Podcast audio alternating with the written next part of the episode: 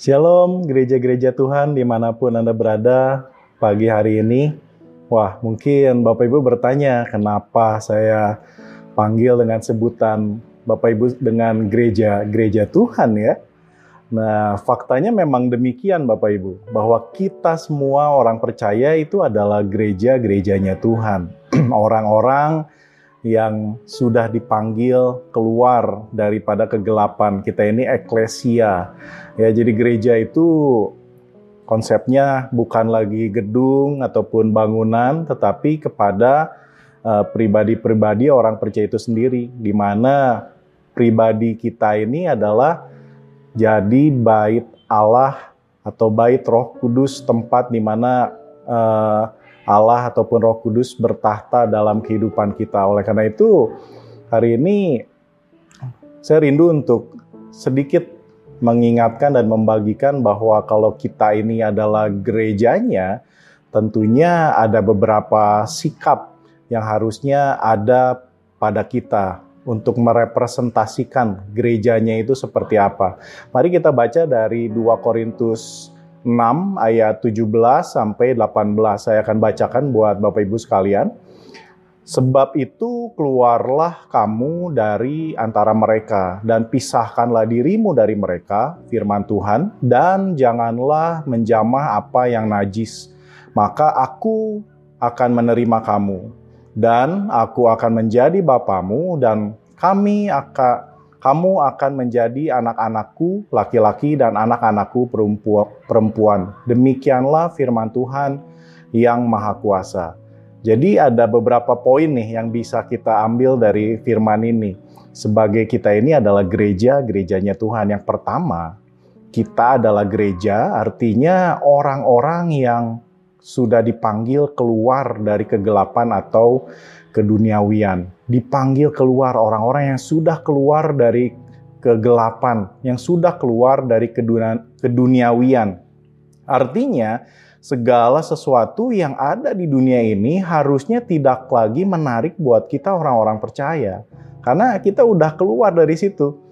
Ya, dan harusnya udah nggak ada lagi sifat-sifat duniawi yang ada dalam diri kita ini harusnya semua sifat duniawi yang melekat itu udah dibuang semua karena kita ini udah keluar dari situ. Sebaliknya yang harusnya ada di dalam diri kita ini adalah sifat-sifat seperti garam dan terang di mana sifatnya itu adalah mempengaruhi dan juga menerangi dunia yang kondisinya gelap ini Bapak Ibu. Nah, yang kedua, kita yang adalah gereja, itu adalah orang-orang yang memisahkan diri firman Tuhan katakan. Memisahkan diri, menguduskan dirinya, menghususkan dirinya hanya untuk Tuhan. Artinya kita ini memang berbeda dengan dunia ini. Makanya firman Tuhan ada yang mengatakan kita ini jangan serupa seperti dunia. Ya, karena kita ini adalah orang-orang yang sudah keluar dari dunia, orang-orang yang sudah memisahkan diri dengan dunia ini.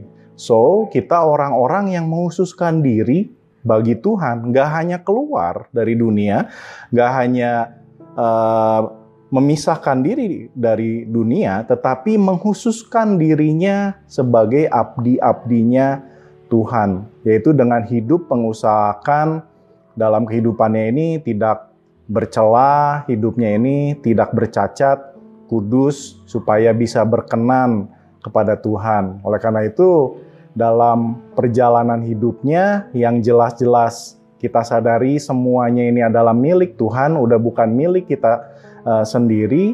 Jadi hidup ini dipersembahkan seluruhnya hanya untuk kemuliaan Tuhan.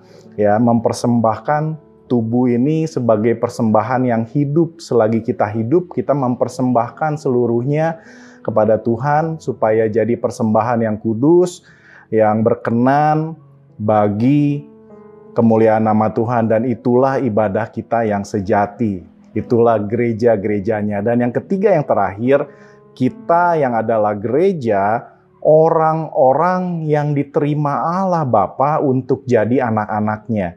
Tadinya kita di dalam kegelapan, kita ini nggak diterima oleh Bapa karena kita ini berdosa, tetapi ketika kita dipanggil keluar dari sana karena kasih karunia Tuhan, artinya kita ini diterima oleh Allah Bapa sebagai anak-anaknya. Jadi di sini kita harus memahami bahwa sebagai anaknya kita punya tanggung jawab. Bapak Ibu, ya. Tanggung jawabnya adalah dalam kehidupan kita ini lewat cara hidup kita ini harus mencerminkan Bapa kita. Oleh karena itu dari uh, sikap hidupnya, dari perkataannya, dari tutur kata, dari pikirannya, dari keputusannya, dari uh, perbuatannya, dari apa yang ada dalam hatinya, semuanya itu harus menggambarkan atau mencerminkan kita ini adalah anak-anaknya Bapa di surga.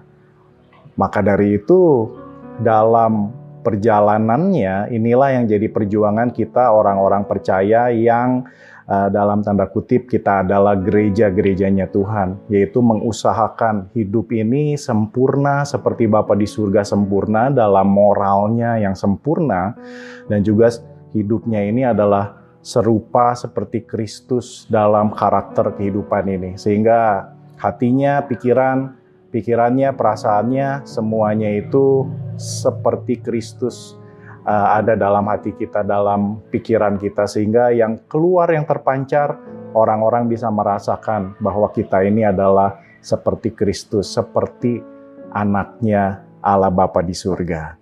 Semoga apa yang saya bagikan hari ini bisa memberkati Bapak Ibu sekalian. Tuhan Yesus memberkati.